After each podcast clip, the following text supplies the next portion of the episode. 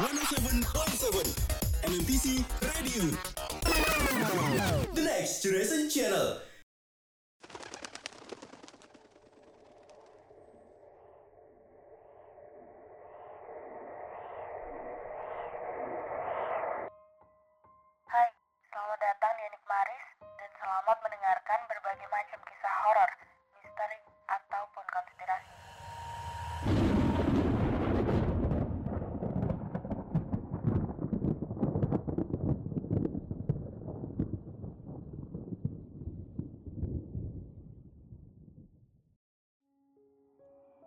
Halo teaser, selamat datang dan selamat berjumpa kembali bersama aku Yuski Permata Aditya.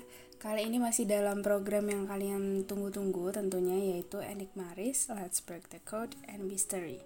Nah, udah gak kerasa ya, uh, Enigmaris udah 3 episode dan sekarang udah masuk ke episode keempat di mana dalam episode ke- keempat kali ini aku bakalan ngebahas salah satu kisah tragedi yang terjadi di tanggal 9 September eh, sekaligus sebagai peringatan tragedi serangan 911. Serangan 11 September atau serangan 911 yang juga biasa disebut peristiwa Selasa Kelabu karena memang kejadian tersebut terjadi pada hari Selasa dan merupakan serangkaian empat serangan bunuh diri yang terjadi yang telah diatur terhadap beberapa target di New York, dan Washington DC pada 11 September 2001.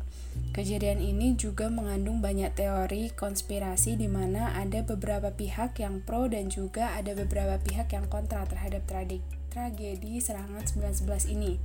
So, tanpa berlama-lama lagi, yuk langsung aja kita simak ceritanya.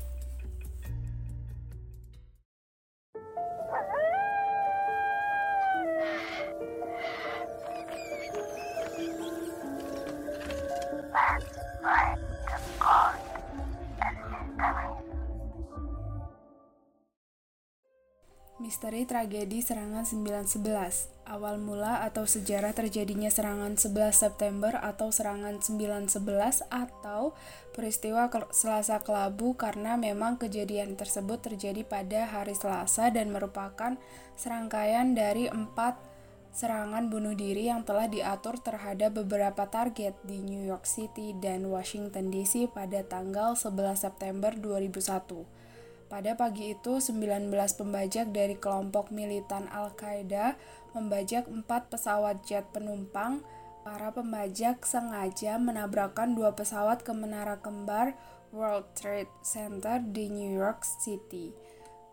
Kedua menara runtuh dalam kurun waktu dua jam. Pembajak juga menabrakkan pesawat ketiga ke Pentagon di Arlington, Virginia.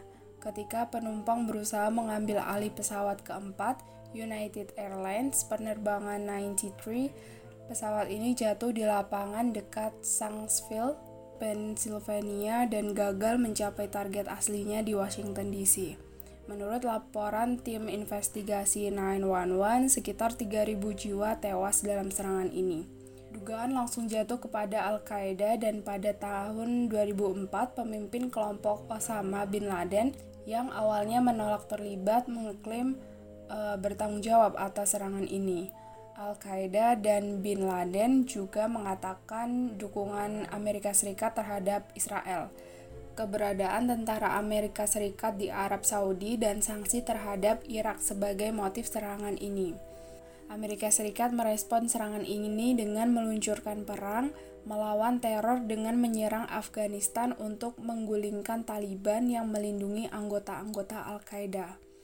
Banyak negara-negara yang memperkuat undang-undang anti-terorisme mereka dan memperluas kekuatan penegak hukumnya. Dan pada Mei 2011, setelah diburu bertahun-tahun, Presiden Barack Obama mengumumkan bahwa Bin Laden ditemukan dan ditembak mati oleh marinir Amerika Serikat. Walaupun belum ada bukti yang diterbitkan yang menyatakan kematian tersebut dengan gamblang, kehancuran ini mengakibatkan dampak serius terhadap ekonomi Lower Manhattan. Pembersihan lahan World Trade Center selesai dilaksanakan pada Mei 2002 National September 11 Memorial dan Museum dijadwalkan dibuka pada tanggal 11 September 2011. Di dekat tugu peringatan ini terdapat One World Trade Center setinggi 1776 kaki atau sekitar 541 meter yang diperkirakan selesai pada tahun 2013.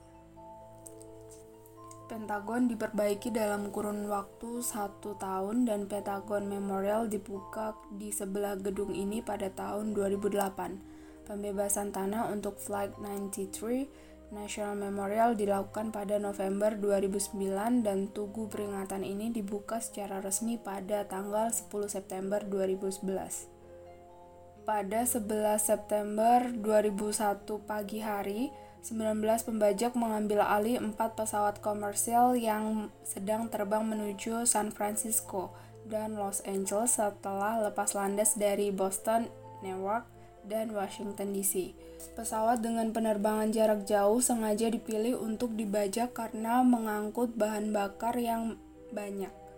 Pukul 8.46 pagi, lima pembajak menabrakkan America Airlines penerbangan 11 ke Menara Utara World Trade Center dan pada pukul 9 lebih 3 pagi hari, lima pembajak lainnya menabrakkan United Airlines penerbangan 175 ke Menara Selatan. Lima pembajak menabrakkan American Airlines penerbangan 77 ke Pentagon pada pukul 9 lewat 37 pagi hari. Pesawat keempat di bawah kendali pembajak menjatuhkan United Airlines penerbangan 93 dekat Shanksville, Pennsylvania pada pukul 10 lebih 3 pagi hari. Setelah penumpangnya melawan para pembajak, target penerbangan 93 diduga adalah US Capitol atau Gedung Putih. Rekaman suara kokpit penerbangan 93 menemukan bahwa awak pesawat dan penumpang berusaha mengambil alih pesawat dari pembajak. Setelah mempelajari lewat telepon tentang pesawat-pesawat lain yang dibajak telah ditabrakkan ke beberapa bangunan pada pagi itu. Setelah muncul bukti kuat bagi pembajak bahwa penumpang akan mengambil alih pesawat, Seorang pembajak memerintahkan temannya untuk memutar pesawat dan sengaja menjatuhkannya. Akhirnya penerbangan 93 jatuh di sebuah lapangan dekat Sangsville.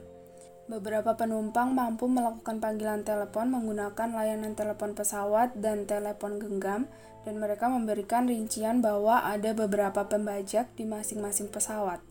Rincian lain yang disampaikan adalah semprotan merica atau gas air mata digunakan dan beberapa orang di pesawat telah ditusuk. Laporan menemukan bahwa para pembajak menusuk dan membunuh pilot, pramugari, dan satu atau beberapa penumpang. Dalam laporan akhirnya, 911 Commission menemukan bahwa para pembajak belakangan ini membeli peralatan tangan multifungsi dan berbagai jenis pisau dan belati. Seorang pramugari penerbangan 11, seorang penumpang penerbangan 175 dan beberapa penumpang penerbangan 93 mengatakan bahwa para pembajak memiliki bom. Tapi salah satu penumpang juga mengatakan ia menduga bom tersebut palsu. FBI tidak menemukan jejak-jejak peledak di tempat kejadian dan 911 Commission menyimpulkan bom tersebut palsu. Setelah dibenarkan bahwa penerbangan 11 dibajak, dua F-15 diberangkatkan dari Otis Air National Guard Base di Massachusetts dan mengudara pada pukul 8 lebih 53 pagi. North American Aerospace Defense Command memiliki pemberitahuan 9 menit bahwa penerbangan 11 telah dibajak. Karena komunikasi buruk dengan Federal Aviation Administration atau FAA, mereka tidak mendapatkan pemberitahuan mengenai pesawat-pesawat lain yang akhirnya menabrak targetnya. Setelah kedua menara kembar ditabrak, beberapa pesawat tempur diterbangkan dari Langley Air Force Base di Virginia pukul 9.30 pagi. Pada pukul 10.20 pagi, beberapa perintah dikeluarkan untuk menembak jatuh setiap pesawat komersial yang berpotensi dibajak. Perintah ini tidak tersampaikan tepat waktu bagi pesawat tempur untuk mengambil tindakan. Beberapa pesawat tempur terbang tanpa membawa amunisi hidup. Mengetahui bahwa uh, untuk mencegah para pembajak mencapai targetnya, para pilot pesawat tempur harus menabrakkan pesawatnya ke pesawat yang dibajak, mungkin dengan meluncur keluar dari pesawat tempur pada saat-saat terakhir.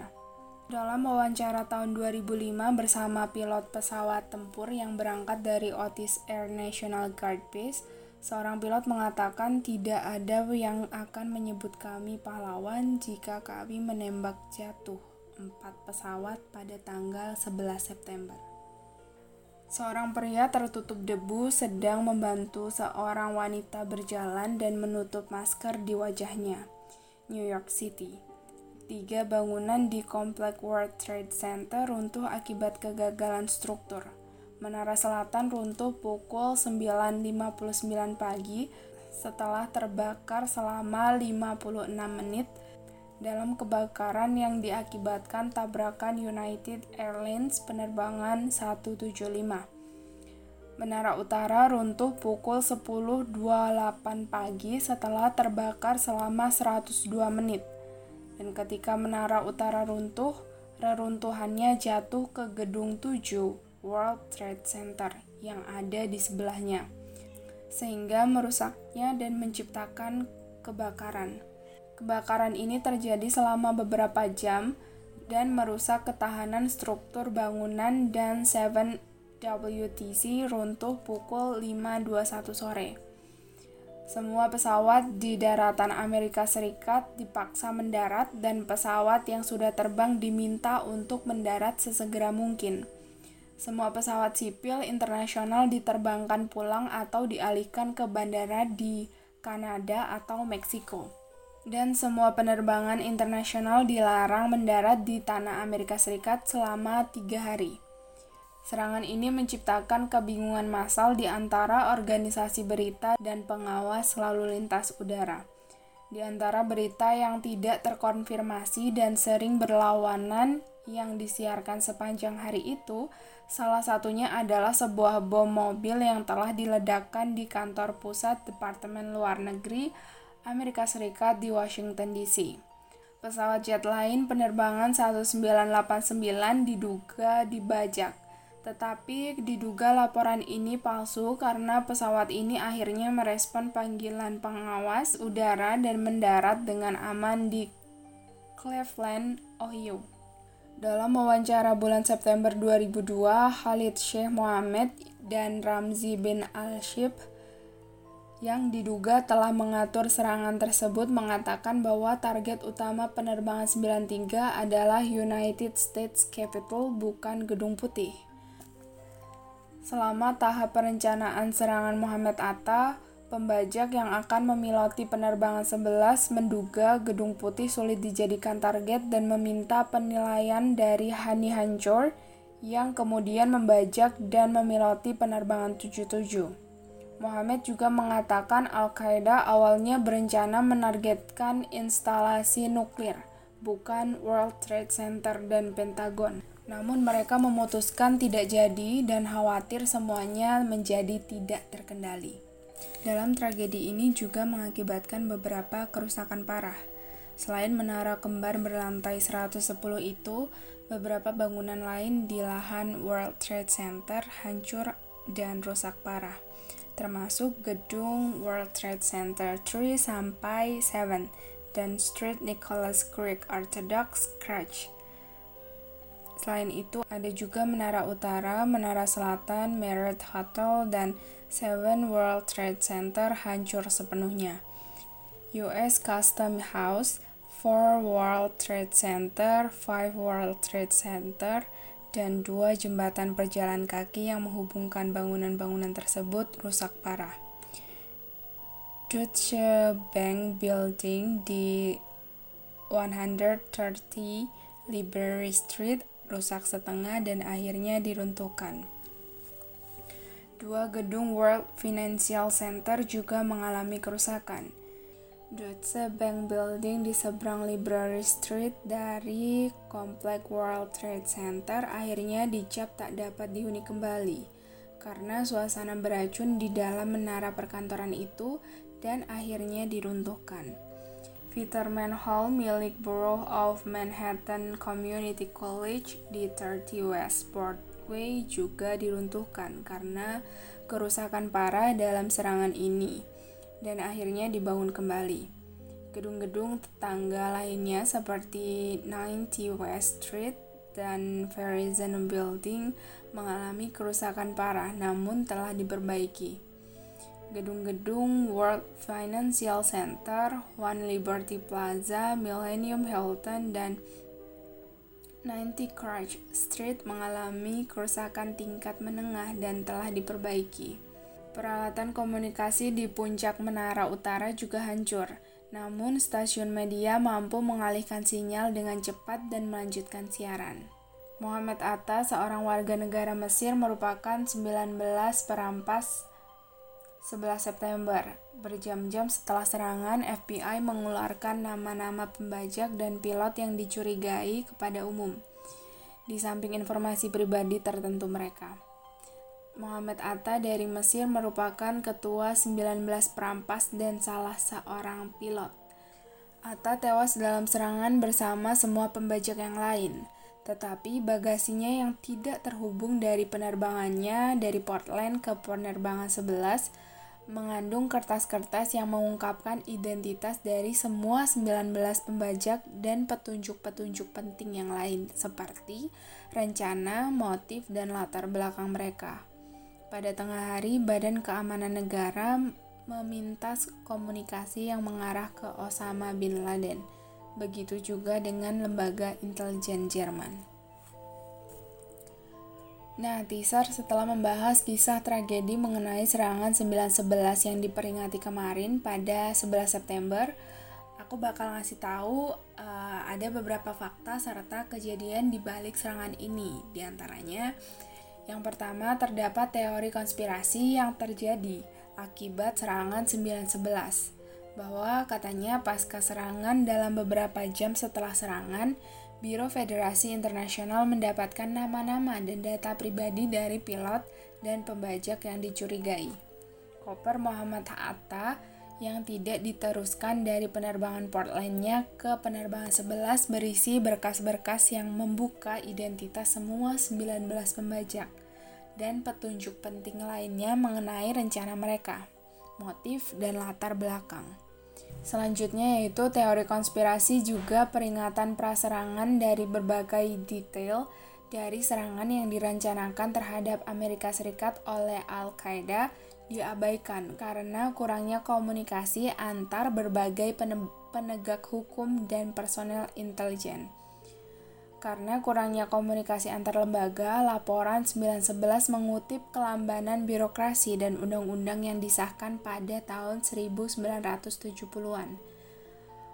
Untuk mencegah pelanggaran yang menyebabkan skandal selama era itu, terutama skandal Watergate, laporan itu menyalahkan pemerintah Clinton dan Bush dengan kegagalan imajinasi. Yang terakhir yaitu ahli teori konspirasi mengeklaim bahwa tindakan atau kelambanan pejabat Amerika Serikat dengan pengetahuan sebelumnya dimaksudkan untuk memastikan bahwa serangan itu berhasil dilakukannya. Misalnya Michael Meeker, mantan Menteri Lingkungan Inggris dan anggota pemerintahan Tony Blair, mengatakan bahwa Amerika Serikat secara sadar gagal mencegah serangan.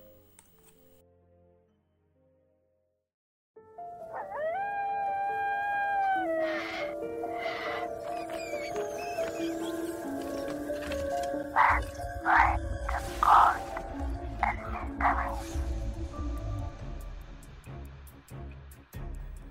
Mau ucapin terima kasih buat teaser yang udah mau dengerin podcast kali ini dan buat kamu juga nih yang punya pengalaman atau cerita misteri yang horor dan serem, boleh banget share ke DM Instagram kita ada di @mmtcradiojogja dan jangan lupa juga buat dengerin episode-episode selanjutnya ya teaser karena bakal ada cerita yang lebih seru lagi tentunya. So stay tune terus ya teaser ditunggu ep untuk episode selanjutnya. See you teaser.